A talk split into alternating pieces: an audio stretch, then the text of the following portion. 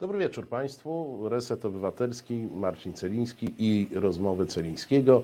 Niedziela, 15 maja. Ciepło, dość słonecznie, chociaż czasami, momentami coś nam e, zawieje chłodniejszego. Mam nadzieję, że to wprawia Państwa w równie dobry e, nastrój jak mnie. E, ja, proszę Państwa, schowałem się do naszego resetowego bunkra, bo tutaj jest chłodniej i przynajmniej stabilna e, zupełnie e, atmosfera. E, Stabilna atmosfera, proszę Państwa, to jest coś, co także nas e, prześladuje w skali kraju. E, No bo tak wiele się dzieje. E, Wydawałoby się, że bomba za bombą, e, afera za aferą, inba za inbą, a jak czytamy badania opinii publicznej, no to tak się wydaje, że nic się nie dzieje. Kraj jest spokojny, stabilny, więc może ten nasz ogląd e, tego, co się w Polsce dzieje, jest po prostu nieprawdziwy. Może jest dobrze, e, może e, jest nam wygodnie, ciepło i tak już będzie. O co chodzi z tą naszą małą stabilizacją? Spróbuję dzisiaj dopytać naszego gościa, e, doktora Roberta Sobiecha z Kolegium Civitas, którego witam dalej. Witam. Jest, jest. No, dzień dobry, witam cię Marcinie. E, Cześć Robercie. E, Chyba tam u ciebie jakiś, jakiś musimy poprostować. Prze- To jeszcze wszystkie swoje, wszystkie swoje urządzenia raz jeszcze poprzestawiam i powinno być dobrze. A, Bo, bo wiesz, połączyliśmy się po to, żebym ja ciebie słyszał, a nie żebym słyszał też siebie. Słuchajcie, mam, mam nadzieję, że tak, że będzie, że będzie dobrze. No, czy- Do tych urządzeń jestem już przywiązany od prawie dwóch lat właśnie, nauczając i biorąc udział w, różne, w rozmaitych spotkaniach. Jakoś działa. No, a za, ja zakładam, że ten, że w, tym razem też będzie działać i nie będzie dużego, dużego, dużego pogłosu. Ale gdyby tak się zdarzyło, no to pewnie to w Twoje ręce się oddaje, możemy przejść na jakieś inne urządzenia. Ale, ale spróbujmy może tak. Spróbujmy i spróbujmy pogadać e, na temat, na który żeśmy się umówili, a już nie będziemy gadać więcej o sprzęcie, e, szczególnie, że postęp technologiczny jest taki, że nie wiadomo o jakim sprzęcie byśmy rozmawiali. Jak być może słyszałeś we wstępie, no, powiedziałem o tym, że jesteśmy w jakiejś e, stagnacji. E, Bardzo, wydaje się, że bardzo wiele się dzieje politycznie, bardzo dużo jest ostrych sporów. A jak popatrzymy w badania, to one w zasadzie cały czas pokazują bardzo podobne preferencje Polaków. A mianowicie, PiS jest, czy tam Zjednoczona Prawica, jak wolimy e, nazywać, e, startuje do potencjalnych wyborów, bo to podstawowe pytanie jest, gdyby wybory odbyły się w najbliższą niedzielę. E, Gdyby PiS startował w najbliższą niedzielę w wyborach, to zagadka jest taka, czy ma samodzielną większość, czy trochę mu do tej samodzielnej większości brakuje. I przypomina mi to badanie, e, badania bezpośrednio sprzed wyborów, jednych i drugich, których PiS wygrywał, gdzie na koniec się okazywało, że jednak ma tą samodzielną większość. Jedyne, co przez ostatnie lata się zmieniało, to była dosyć wysoka mm, e, pozycja nowego ruchu Polski 2050 Szymona Hołowni, no ale zadziałał efekt Tuska, czyli wróciliśmy do sytuacji, w której Platforma Obywatelska ma murowany srebrny medal i jakieś takie niewielkie szanse na e, medal złoty, a pozostałe ugrupowania tak naprawdę mogą marzyć o tym, że może 10% zrobią, a może e, 12 w takich wyborach. Z tego wszystkiego by wynikało, że Polacy po prostu nie chcą zmian, nie potrzebują zmian i w zasadzie nie ma o czym gadać. To tak, to ja bym odpowiedział w, w, na dwa sposoby. Pierwszy, krótszy, to znaczy przede wszystkim nie zgadzam się z tą Twoją tezą, że tak, że jesteśmy, no właśnie, dobrze się czujemy i że nic się nie zmienia i że właściwie ten nasz świat jest taki poukładany. Jak się popatrzy w takie wyniki w, badań, które mówią, no właśnie, jakie są nastroje społeczne, jak wygląda społeczny optymizm, no to, to tu jest bardzo niedobrze. To są najgorsze nastroje społeczne od no, przynajmniej kilkuna, kilkunastu lat, jeśli nie, jeśli nie więcej. Trudno się dziwić? E, bo właściwie dopiero co wyszliśmy z pandemii, z tą wielką liczbą nadmiarowych te, te zgonów. E, tu zaczęła się inflacja i za chwilę pewnie spowolnienie gospodarcze. Mamy za granicą tę naszą e, klasyczną wojnę. Nie ma powodów do optymizmu. Ale i, to, i to Polacy mówią. E, natomiast jeśli chodzi o, no właśnie, jak mają wyglądać rządy tych, którzy nam trochę zmienią tę sytuację, czy to będą rządy w tej samej partii, czy w jakiś w te in, innego ugrupowania, no to tu masz rację, tu się tak naprawdę niewiele zmienia. Ja bym to tak powiedział tak, niewiele się zmienia dlatego, że no, ta, te tezy o zabetonowaniu sceny politycznej to już dawno w, poszły do lamusa, bo jakbyśmy popatrzyli na to menu polityczne, z czego Polacy mogą wybierać, no to mają właśnie no z jednej strony takie ostre prawe, prawe skrzydło Konfederacji e, z takimi politykami jak Korwin i Brown, a na drugiej stronie mają w partię w te Zandberga, która by chciała nam model skandynawski za polskie podatki ufundować. Pomiędzy jest bardzo duża przestrzeń i te głosy i te preferencje w, w te Poleki Polaków się już rozłożyły. Ja powiem tak, no tu w, e, e, dużych przesunięć się nie spodziewa.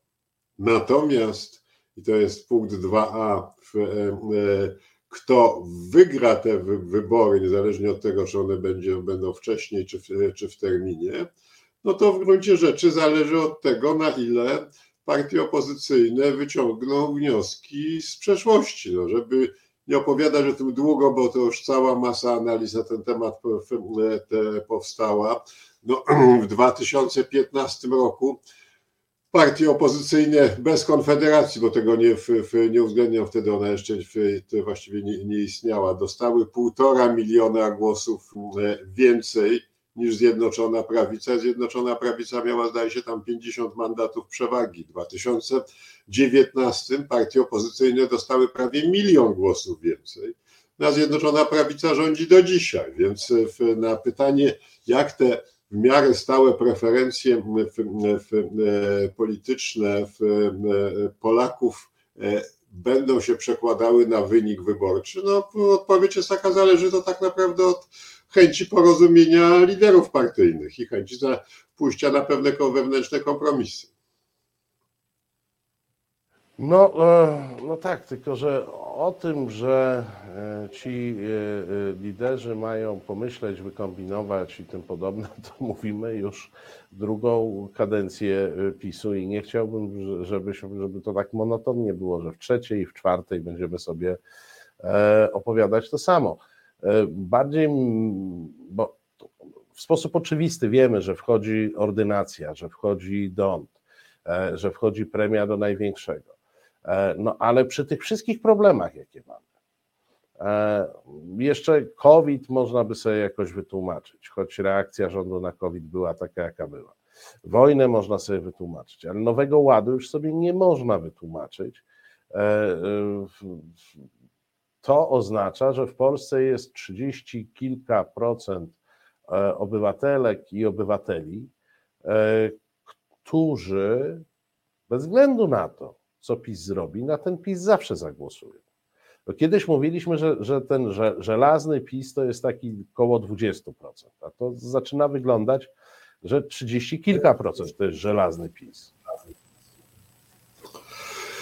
No to jest oczywiście zależy od frekwencji, ale ja powiedziałbym tak, że żelazny PiS istnieje. Ja to widzę na przykład w naszych badaniach naszego Centrum nad Demokracją, gdzie żeśmy zrobili dwa badania w ubiegłym roku, jedno na początku, drugie pod koniec.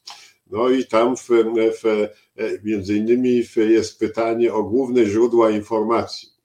W, no to się okazuje, że ten żelazny PiS, no to w, tak naprawdę wśród wyborców PiSu 70% to są ci, którzy za główne źródło informacji traktują telewizję publiczną i niezależnie od tego, co by się w kraju działo, oni w, e, uważają, że z demokracją jest całkiem okej, okay, że to jest jakby taki, no trochę e, poszerzając te, te wyniki, no wymysł takich. E, Demokracja. Demokracja niech będzie, że jest z nią e, okej. Okay. Ale to przecież ludzie nie tylko na demokrację głosują, a przede wszystkim nie głosują na demokrację. No jest takie źródło informacji, które się nazywa własna kieszeń. Jest takie źródło informacji, które się nazywa Urząd Skarbowy. To są takie źródła informacji, które docierają dokładnie do wszystkich i żadna telewizja ani e, żadne medium e, nie zmieni e, ilości, ilości tego, co mam w kieszeni i tych cyferek, które trzeba wypełnić w picie.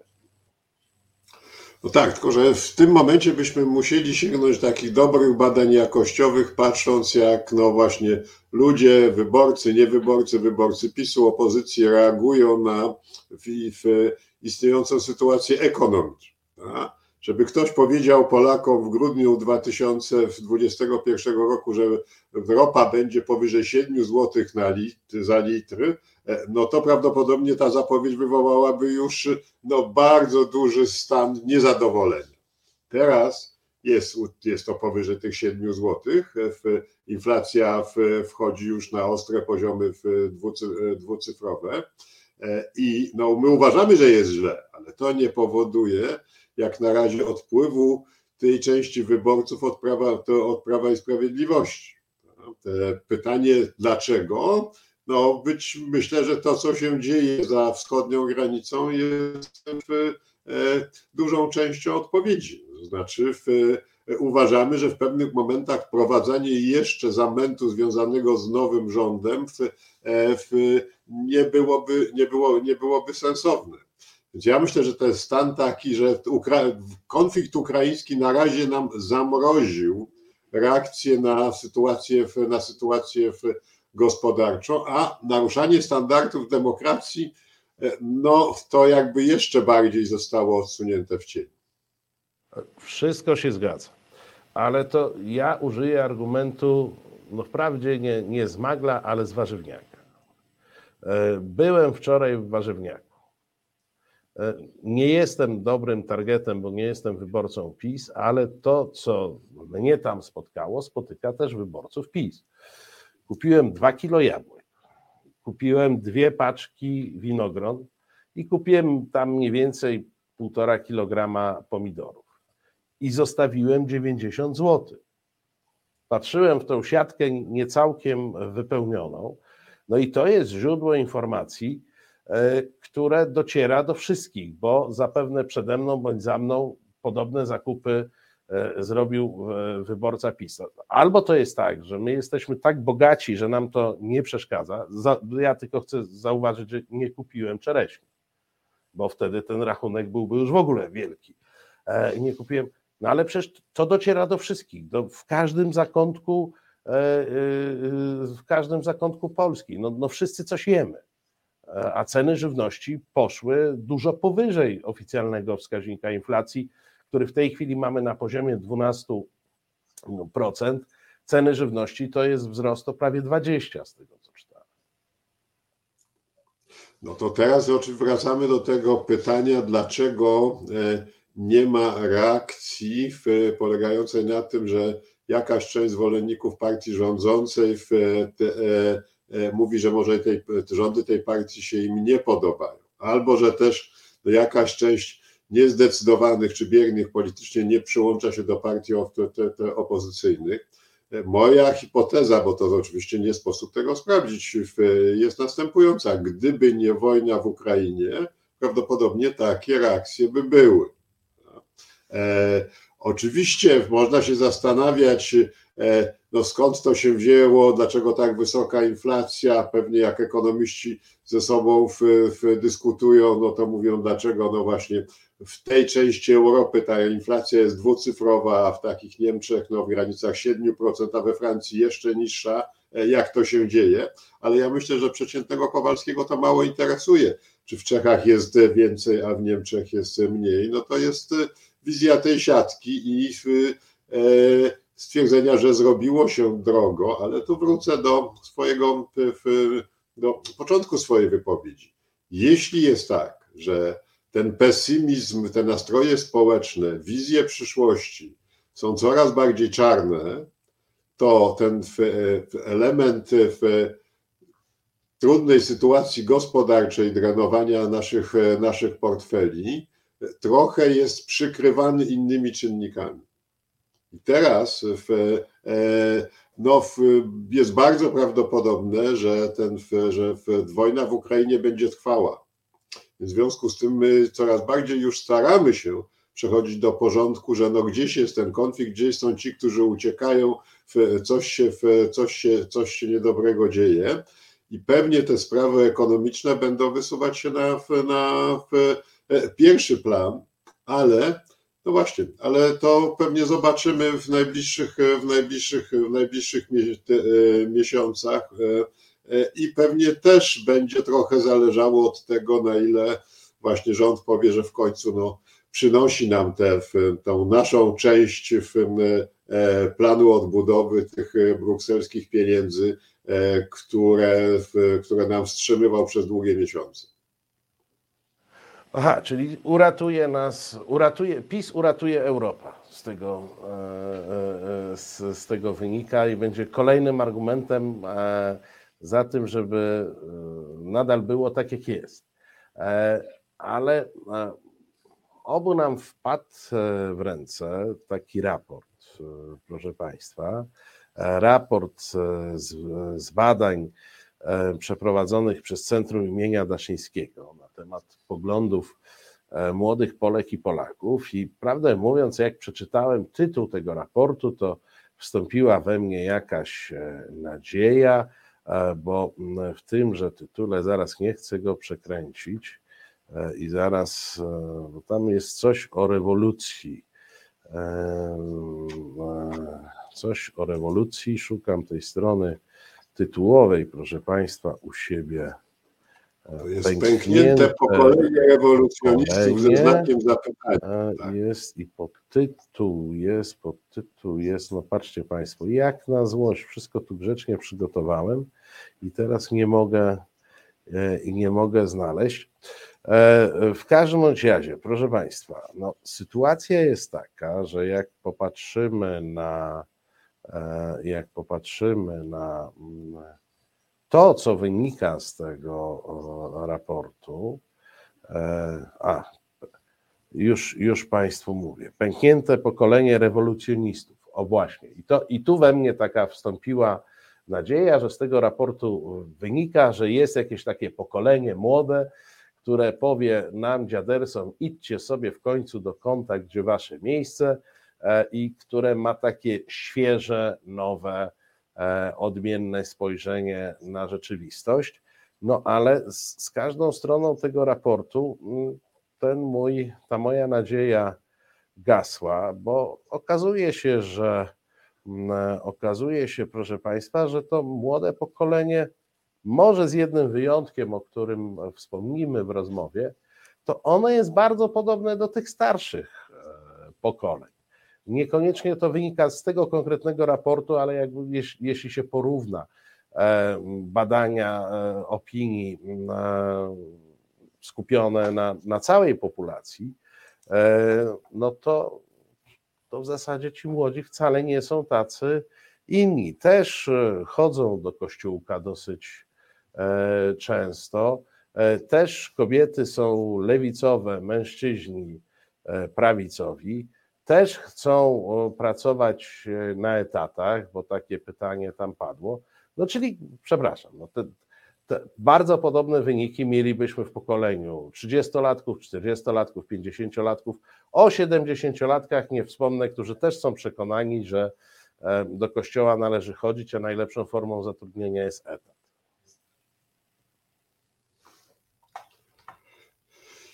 Czy teraz tak, oczekujesz e, komentarza do całości tego raportu? On nie jest długim raportem, ale ma w, to są badania i w te ilościowe i jakościowe, no dosyć skrótowo opisane, ale ja bym powiedział tak, no oczywiście to jest Centrum Daszyńskiego, to jest lewicowy think tank, w, to jest e, współfinansowanie Fundacji Eberta, też lewicowej niemieckiej te, te fundacji, więc pewnie ten, to słowo rewolucjoniści by pokazywało oczekiwania autorów tych badań, że oni by pewnie chcieli, tak jak powiedziałeś, żeby to młode pokolenie było inne, żeby tak naprawdę tych dziadersów gdzieś, od, gdzieś odsunęło.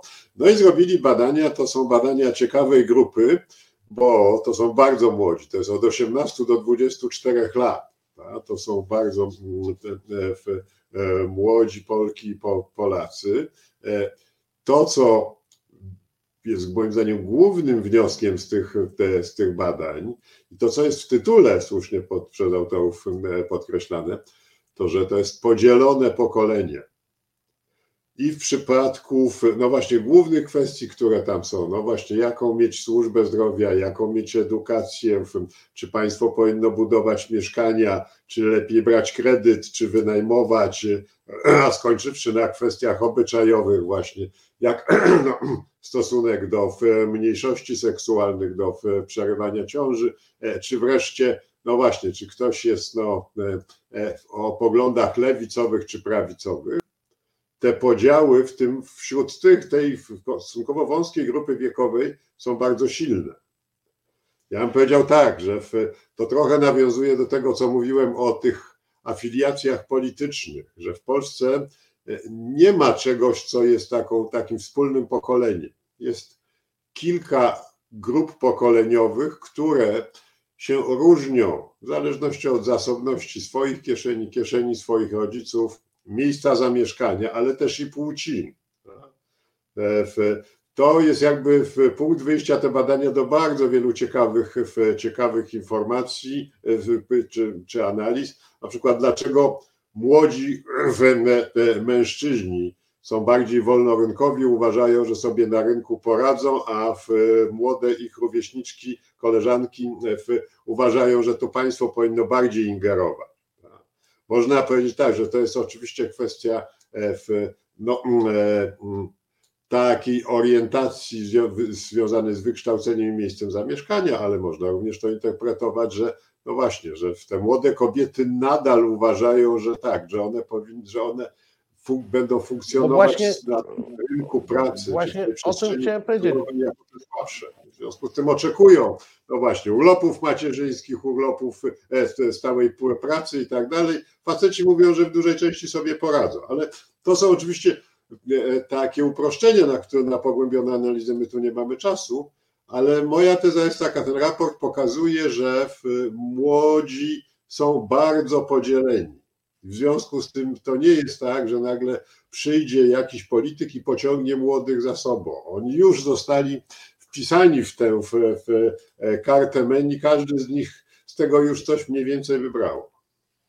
No i, i właśnie o tym mówię, czy, czy, bo raport jest o młodych, a jego wyniki wskazują na to, że młodych nie można traktować jak, jako jakiejś i odrębnej, innej grupy, bo jak mówisz, że są podzieleni w kwestiach, nie wiem, stosunków do, do kwestii społecznych, typu e, e, mniejszości seksualne, to starzy także są starzy, mówiąc pewnym, te starsze grupy wiekowe przecież także są e, podzielone i wcale nie jest tak, że te proporcje są jakoś szokująco e, różne. Jak mówimy o pewnej laicyzacji, że tam tylko 30% chodzi e, do kościoła, to w starszych pokoleniach też to jest. I jak mówimy w końcu o tym, że w patriarchalnym systemie mężczyźni czują się bardziej pewnymi siebie, no to też mówimy o sytuacji, która dotyczy wszystkich kolejnych e, pokoleń I najbardziej ten przykład zresztą pokazuje, że przy e, całej pewnej pracy społecznej, która e, została wykonana przez lata na rzecz faktycznego równouprawnienia kobiet, ile było ileś akcji społecznych wskazujących na to, że kobiety nie powinny czuć się upośledzone na starcie, no to w tej grupie wiekowej, o której, której dotyczy raport, zjawisko to występuje podobnie jak w grupach e, starszych, czyli chłopcy są wychowywani na królów życia, a, a dziewczynki są wychowywane no, na towarzyszki królów życia. No tak, to pewnie jest trochę uproszczenie, ale myślę, że w ta, taki sposób interpretacji da się tutaj otworzyć w tym, e, w tym, w tym raporcie. E, to, co pewnie jest również z takich no, ciekawostek, e, tam jest ta, ta, te definicje lewicowości, prawicowości. No, coraz bardziej już pokazują również inne badania, że młodzi ludzie i w ogóle Polacy siebie chcą bardziej chętnie określać jako lewicowi czy prawicowi, bo jeszcze do niedawna to dwie trzecie mówiło, że nie ma zdania albo że jest w centrum. Ci młodzi to już tylko ponad połowa tam mówi, że w, e, nie wiadomo jacy, jacy oni są. Ale e, z tego badania, to badanie pokazuje taki ciekawy trend, że im starsi, tym mniej lewicowi. Że w, ta lewicowość jest e, silniej obecna w tych 18, 19, 20, jak już jest 23, 24, to ona, to ona e, topnieje. E, czy to jest, pewnie to jest, to jest słaby wniosek, bo trzeba by to przedzielić przez miejsce, przez miejsce zamieszkania, czy w taki kapitał kulturowy, czy kapitał finansowy, ale ja bym powiedział tak, no w, bardzo często i na poziomie taki w, dysku, w takich dyskusji publicznych i wypowiedziach polityków my ciągle przypisujemy, że w tym młodym, że oni są jakąś jednolitą grupą.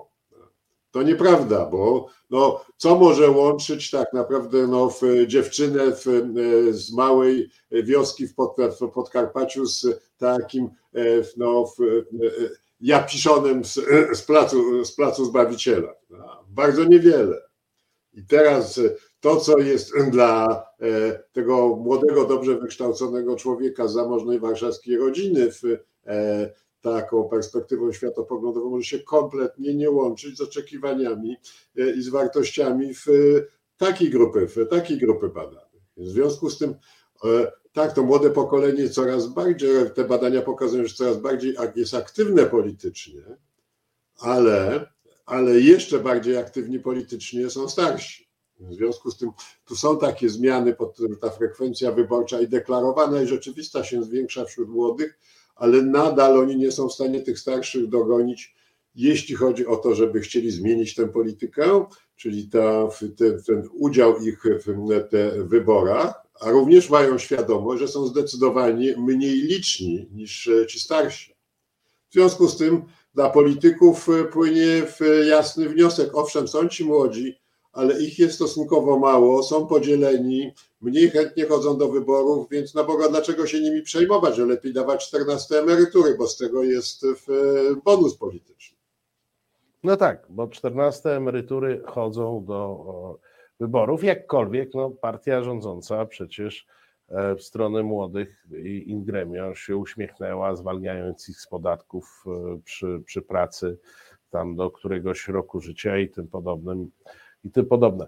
E, e, proszę Państwa, w tej chwili damy sobie chwilę muzycznego oddechu, ale za moment wrócimy i ja wrócę z trudnym pytaniem dla naszego gościa, a mianowicie o źródła nadziei. Znudzeni mainstreamowymi newsami? Czas na reset obywatelski, zaangażowane dziennikarstwo. I wróciliśmy. Marcin Celiński, rozmowy Celińskiego, Reset Obywatelski. E, ja Państwu przypominam się z prośbą o łapki, szerowanie, udostępnianie, bo dzięki Wam e, to, co robimy, dociera e, szerzej. Wracamy do rozmowy z doktorem Robertem Sobiechem. Zanim do nadziei. Trakcie tej przerwy muzycznej dopadła mnie niebezpieczna myśl, a w zasadzie niebezpieczne pytanie.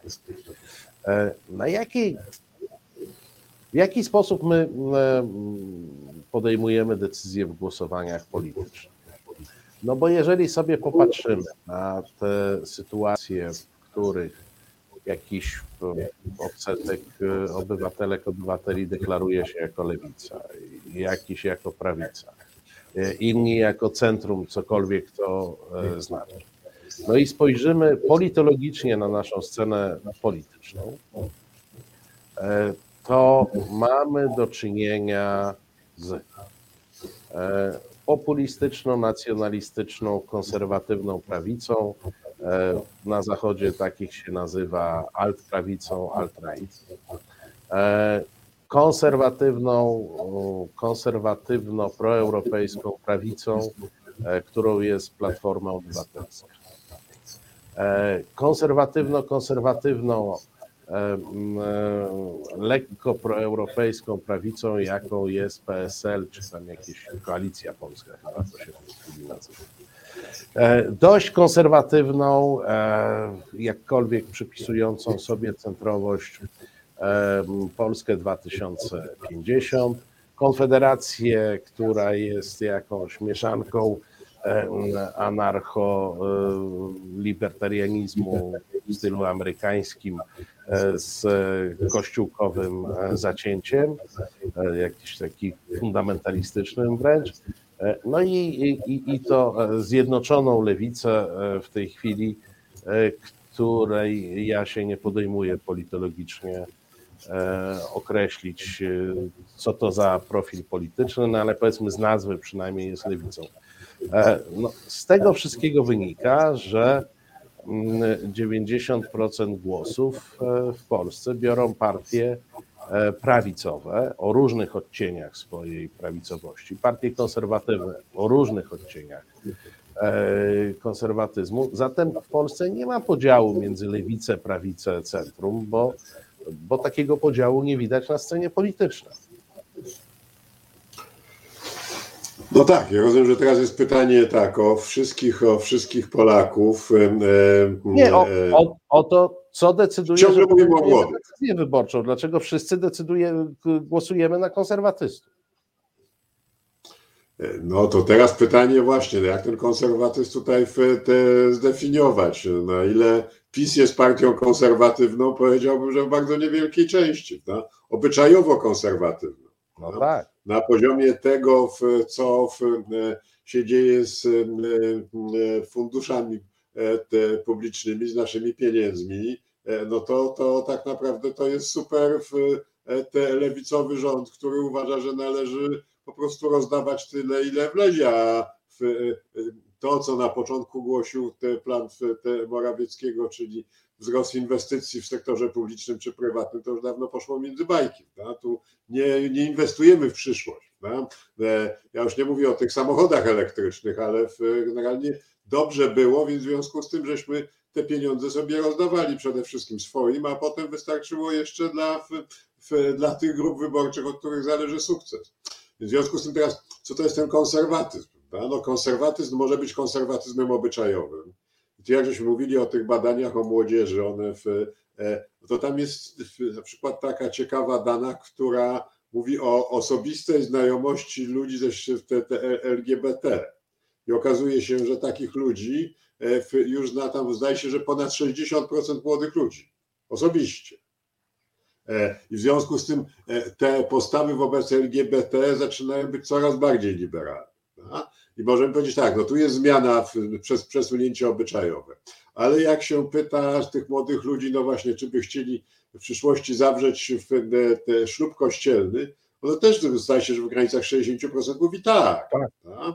Ale czy to świadczy o konserwatyzmie, czy to świadczy o tym, że w pewnych momentach e, tradycja przełożyła, nałożyła się na rynek, który zafundował im wedding planerów i to, że trzeba już rezerwować sobie salę ślubną na dwa lata e, wcześniej, bo inaczej się wypadnie z tej gry symbolicznej, że ktoś jest w takim mainstreamowym nurcie, niezależnie od tego, czy to duże miasto, czy małe miasteczko. Tu ja bym powiedział tak, tu bardzo wiele rzeczy dzieje się na różnych poziomach. I to, co jest pewnie w, w, no, nieszczęściem ludzi, którzy zajmują się analizą świadomości społecznej, przynajmniej było nieszczęściem, to było takie założenie, że ci, że ci badani, ci obywatele, obywatelki muszą mieć spójne poglądy. Że jak mają lewicowe, to tak, no to się domagają większej roli państwa, jednocześnie są bardziej to obyczajowo tolerancyjni i tak dalej i odwrotnie. Tu się okazuje, że to się nie spina. To się nie spina, bo co innego znaczy pewnie lewicowość w, w, na taki, w, mał, w takim małym miasteczku czy na wsi, jak się te, są te pytania do, do ludzi młodych, no właśnie, czy to no te umowy, w, w, czy chciały pracować na etat, czy na jakąś inną formę zatrudnienia, to się okazuje, że tam za się mniej niż połowa chce na ten etat. No, bo e, to się wiąże z jakimiś innymi ograniczeniami, da? że trzeba być, że trzeba tę pracę ciągnąć i tak dalej, i tak dalej. Więc ja myślę, że tutaj trochę czegoś innego należy poszukiwać, mówisz o zmianie i o, o, tych, o tych młodych. E, przede wszystkim oni są niekontrolowani, jeśli chodzi o rozumienie historii. My zakładamy, że to właśnie ten konserwatyzm to trochę tak, no patrzenie, jakie to społeczeństwo było, e, było w przyszłości a ja coraz bardziej w badaniach i w takich, no, potwierdzają mi takie incydenty w, w, w spotkań z młodymi. E, jestem przekonany, że dla nich ta historia już niewiele znaczy. Ostatnio gdzieś na egzaminie, i to w egzaminie magisterskim, miałem studenta, który był zapytany o jakieś socjologiczne definicje pokolenia. No i on lepiej czy gorzej odpowiadał, ale dał jakiś przykład, powiedział, pokolenie stanu wojennego. No to ktoś się go z nas, z nas zapytał, no a kiedy to było? On mówi, no wtedy, kiedy była wojna, no w 1945 roku. W, w, e, I to nie było znaczy dla niego w pewnym momencie w, w, e, ten stan wojenny jest już kompletnie odległą, odległą, odległą przyszłością. E, z drugiej strony jest tak, że tu się te badanie nie mówi o relacjach młodzi-dorośli. To, co nam COVID pokazał, i to, co również w tych badaniach trochę, trochę wychodzi. Tam zdaje się wychodzi, że e, nie wiem, jedna trzecia się zaszczepiła, cała reszta uważa, że to po prostu te, e, to nie, nie było się czego obawiać. Ale jak były inne badania robione w trakcie COVID-u, no to się okazało, że ci młodzi uważają, że to jest tak naprawdę problem dorosłych czy starszych, który się prze, którego koszty przenosi się na młode pokolenie. Oni byli wywalani z tej pracy, oni byli na bezrobociu, oni się uczyli, te, te, uczyli zdalnie, a jednocześnie w większości umierali ci, którzy należeli do starszego pokolenia. Więc myślę, że takich napięć będzie się pojawiało coraz więcej. Jak żeśmy mówili na początku o tej no, po, pogarszającej się sytuacji gospodarczej, to w pewnym momencie może dojść właśnie do tego typu, do tego typu konfliktów, do tego typu sporów, które oczywiście gdzieś się tlą, one są obecne w świadomości ludzi. Natomiast jeśli ktoś otworzy i zdefiniuje ten konflikt, no to może tutaj doprowadzić do tego, że powoli te wskazówki na tej wadze wyborczej będą się przesuwać. Do tej pory nikt albo nie umie tych konfliktów zdefiniować, może poza Konfederacją, te w, e, a jeżeli już to, to definiuje, to strasznie ciężko mu się z tym, z tym przebić. Także myślę, że to jest jednak dłuższy proces i to młode pokolenie pewnie zachowa świadomość tej odrębności. No I to jest odrębność i ekonomiczna, i historyczna. No te dane dotyczące relacji do zagrożeń klimatycznych są też bardzo istotne że ci młodzi wiedzą, że my zostawiamy im taki świat, który za chwilę ich, ich dzieci będzie skazywał na strasznie trudne funkcjonowanie. A z jednej strony nie mają, ani nie chcą mieć no, możliwości wpływu. Więc ja myślę tak, że strasznie ciężko teraz to interpretować, bo z jednej strony myśmy zaczęli od tego, że no jest stabilizacja, ludzie niechętnie zmieniają swoje poglądy, afiliacje polityczne i tak dalej a z drugiej strony ten świat dookoła się zmienia i to zaczyna się zmieniać w tempie no, zastraszająco szybkim. I w związku z tym e, pewnie jedną z dróg, i to też mówię o młodym, ale również i o starszym pokoleniu, jest takie, jak to socjologowie nazywają, e, no, powiedzenie, że no właśnie, przyszłość już była, czyli w, e, że my byśmy chcieli, żeby było tak jak dawniej. I bardzo dużo robimy, żeby, żeby było tak jak dawniej. Pewnych rzeczy nawet nie, nie zauważamy, że się zmieniają. Ale myślę, że niestety ta rzeczywistość zewnętrzna nas zmusi do tego, żeby poukładać pewne kwestie na nowo. No to pytanie, kiedyż ona nas zmusi, bo ja mam wrażenie, że nigdy to nie jest tak, że my postrzegamy gremialnie świat i jego problemy takimi, jak one są, bo to jest zawsze kwestia przefiltrowania przez e, przeróżne mechanizmy. Ale czy ja przesadzam, e, myśląc na własny użytek, że nam coraz bardziej, mówię o skali społecznej, e, rozchodzą się ścieżki tego świata realnego z tym, co my widzimy. Młodzi dostrzegają kwestie klimatyczne, żadna z partii politycznych, no może przez jakiś moment Polska 2050 e, e, robiła pewne gesty świadczące o tym, że, że rozumie, co się dzieje. Szymon Hołownia jakieś drzewka posadził, żeby jako rekompensatę za swój ślad węglowy, kiedy poruszał się po Polsce, no to, to jest jakiś gest, ale umówmy się, że programowo ani nie słyszę ze strony żadnej partii politycznej, E, nie wiem, o programie retencji wody, e, no bo chyba nie uznamy projektu tamtych baniek i sadzawek, które pan prezydent e, proponuje, żebyśmy robili za jakieś systemowe rozwiązanie problemu wody. My jesteśmy gorzej zaopatrzeni w wodę od Egiptu, a wydaje nam się, że w Egipcie jest pustynia. Nie, nie, pustynia to jest w Polsce, proszę państwa, tak naprawdę. Generalnie nacięliśmy się na problem energetyczny, bo mamy nadal gospodarkę opartą na e, paliwach kopalnych. No i teraz wojna nam trochę uświadamia, że bez tych paliw e, kopalnych nie jesteśmy w stanie funkcjonować. E, na tej zasadzie ci młodzi to powinni powiedzieć no coś na kształt 68 roku na zachodzie, czyli nie wierzę nikomu, kto skończył 30 lat. No tak, żeby to powiedzieć, no to oni powinni mieć takie kanały artykulacji, które byłyby silne i widoczne. Oni są rozproszeni no, po sieci, po bardzo w drobnych grupach, takich e, związkach nieformalnych, ale też się między sobą różnią.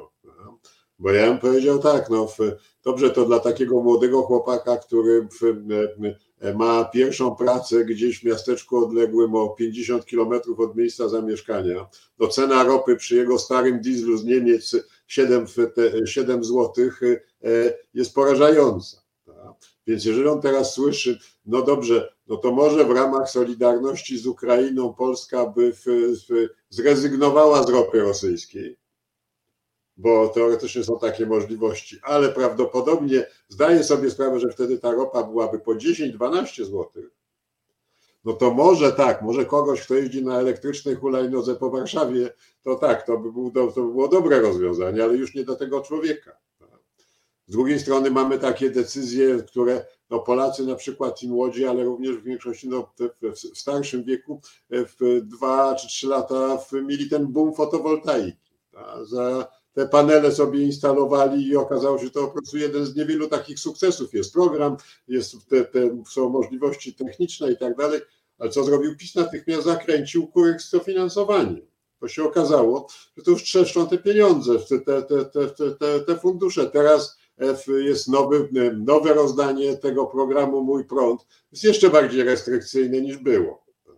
E, no więc e, to wszystko jest kompletnie, kompletnie niespójne i nawet jak w, e, można by sobie wyobrazić, że przyjdzie nowy rząd z jakąś propozycją no, poskładanego długofalowego programu w kluczowych kwestiach, na przykład klimatycznych, to te presje zewnętrzne, no właśnie, czy to w te sankcji gospodarczych, czy to w te, czy, czy to w te, te wojny, czy w pogarszającej się sytuacji gospodarczej będą tak silne, że znowu to się pewnie gdzieś będzie odsuwało odsuwało na dalszy plan. Oczywiście są nadzieje takie, że jeżeli Unia Europejska by twardo trzymała się swojej polityki surowcowej, tego te, te planu, planu odbudowy, gdzie to jest jedno z, z głównych zagrożeń inwestycji do i inwest, współinwestowała takie przedsięwzięcia, no to w tą dłuższej perspektywie tak, to może doprowadzić do zmiany. Ale na razie żeśmy moim zdaniem znaleźli się w takiej sytuacji, gdzie bardzo wielu z nas, czyli wiele z nas, chciałoby, żeby było tak, jak było. Już nawet nie chcemy, żeby było zdecydowanie lepiej, tylko e, jak się już ironicznie mówi o tej ciepłej wodzie w kranie, no to jakby teraz pewnie zrobić takie badania jakościowe i pytać się Polaków, czy oni by chcieli tę ciepłą wodę, to oni powiedzą, nawet jak będzie trochę chłodna, to byśmy chcieli wrócić do tego, co było. E, ale no właśnie, i to może ostatnie, ostatnie zdanie w, a propos tej, tej przyszłości. Jak już mówiłem o swoich studentach, to mi się przypomniała jeszcze jedna osoba, która tak pigułce mi pokaz, pokazała, e, co jest takim głęboko zakorzenionym przekonaniem świadomości młodych ludzi. To była mowa o jakichś właśnie teoriach te, te, te, te rozwoju, a ona powiedziała, ale to właściwie z tych teorii wynika, że ci socjologowie i politolodzy mówią, że może być gorzej, że mogą być jakieś kryzysy. Ale ja w swoim środowisku w ogóle czegoś takiego nie widzę. My uważamy, że jeśli wolniej się poprawia sytuacja, to już jest problem. W ogóle nie dopuszczamy do głowy takiej sytuacji, że może się coś pogorszyć. Więc e, jak myślę, że to, co się w tym momencie dzieje, w, no coraz bardziej uprawdopodobnia taką sytuację, że za chwilę i ci młodzi, i starsi zderzą się z tym, że jest gorzej. No to, to jakby wynika z faktów, ale powiedz, gdzie szukać nadziei, bo mm, no nie ma przyszłości dla kraju, dla społeczeństwa, które ciągle chce, żeby było tak, jak było. No, ziemia się kręci, coś się na niej zmienia e, i ona nie stanie. E, to, to, to jest fakt. Gdzie szukać nadziei na to, żeby pojawił się pewien społeczny impuls e, no nazwę go pewnym skrótem, żeby nie wchodzić w szczegóły, pewien impuls modernizacyjny, to znaczy rozumienie, że nie jesteśmy w stanie funkcjonować tak jak do tej pory, no bo i mamy kwestię demografii, która powoduje, że, że nie będziemy żyć w ciągłym wzroście, zresztą ten ciągły wzrost to jest raptem kilkadziesiąt lat, które się e, skończyły. To nie było tak, że cała historia była, e, to był ten taki błyskawiczny wzrost że e, musimy zadbać inaczej o to, co nas otacza, czyli o środowisko, gdzie można szukać nadziei, że taki ferment społeczny i taki impuls się e, wytworzy na tyle silny, żeby założy, zauważyły partie polityczne i zaczęły cokolwiek z tym robić.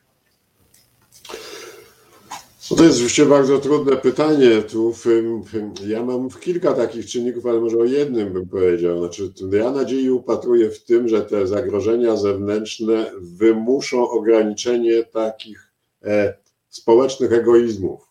E, to, co w, e, do tej pory cechowało Polaków na poziomie no i tożsamości narodowej, ale i takich relacji na niższych, na niższych poziomach, to jest tak, że no my mieliśmy ze względu na swoją trudną tę te, przeszłość na to, że jesteśmy specyficznym narodem. My w pewnym momencie się lokowali nieco wyżej, w związku z tym e, no, mieliśmy taki dystans i do swoich sąsiadów, ale też niechętnie patrzyliśmy na to, co ta Unia Europejska, jak te, te, te, niektóre, te bogatsze kraje prowadzą własną, własną politykę. Teraz widać wyraźnie na poziomie międzynarodowym, że Polska nie przetrwa bez relacji, dobrych relacji z oto, ze swoim otoczeniem międzynarodowym. E, to jest w, e, na poziomie w, no, niby polityki zagranicznej, ale takiego, takiej świadomości, że no, my w tej izolacji już w, nie, nie, nie damy rady sami i to dociera do świadomości Polaków. Druga rzecz, no to jest tak, no to są te relacje, czy te reakcje na te 3 miliony w, w pewnych momentach, żeby tak powiedzieć, no wcześniej, że mamy do czynienia no, w, z e, takim nadmiar, z taką liczbą, liczbą uchodźców, no to ktoś mógłby powiedzieć, no ale właśnie dlaczego Polacy mają ich przyjmować, dlaczego mają im finansować 500 plus, dlaczego mają im finansować tę opiekę zdrowotną. Ale wydaje mi się, że tutaj te niby naturalne reakcje, że my ich nie chcemy tych obcych, co było jeszcze widać na granicy białoruskiej w, w, w, parę miesięcy temu, to właśnie ta zmiana polega na tym, że myśmy sobie uświadomili, że my za chwilę możemy być w takiej samej sytuacji. W związku z tym ten kolejny rozdział tego społecznego egoizmu jest trochę, trochę domykany. Jeżeli to się przełoży na takie e, e, relacje rzeczywistej kooperacji i dogadywania się. No tu żeśmy mówili no, o tym przykładzie e, polityków, którzy za każdym razem mówią, że nie zrobią wspólnej listy, no bo to przecież tracą.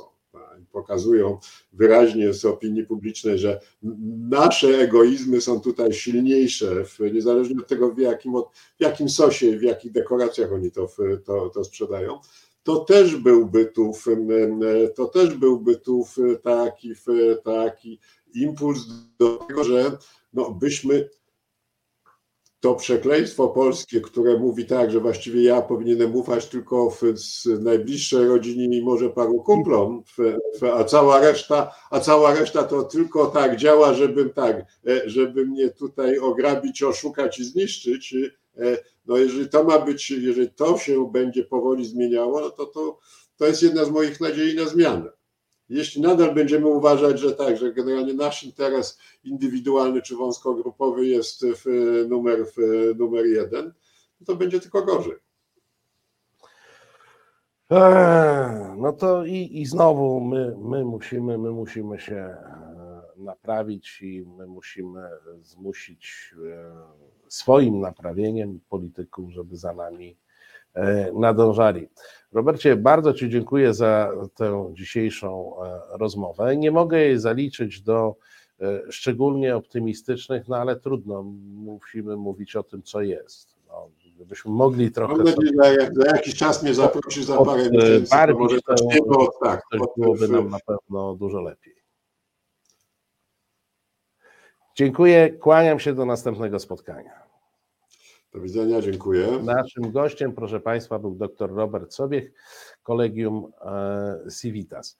Ja, proszę Państwa, patrzę na zegarek, bo mam tutaj taki zegarek specjalnie powieszony, który ma wymuszać na mnie mm, e, trzymanie dyscypliny czasowej i widzę, że właśnie przychodzi ten moment, kiedy muszę znikać. Ale jak Państwo wiecie, zniknę w taki sposób, żeby pokazać się gdzie indziej, bo już za parę minut e, z Witoldem Beresiem będziemy e, omawiać wspólne krakowsko-warszawskie sprawy. Ja Państwu bardzo dziękuję za E, udział e, w tym dzisiejszym spotkaniu. Bardzo dziękuję wszystkim, którzy e, lajkują, łapkują, szerują, rozpowszechniają te programy. Bardzo dziękuję wszystkim Państwu, którzy wspierają Reset Obywatelski. Dzięki Wam te programy się tworzą, dzięki Wam one istnieją.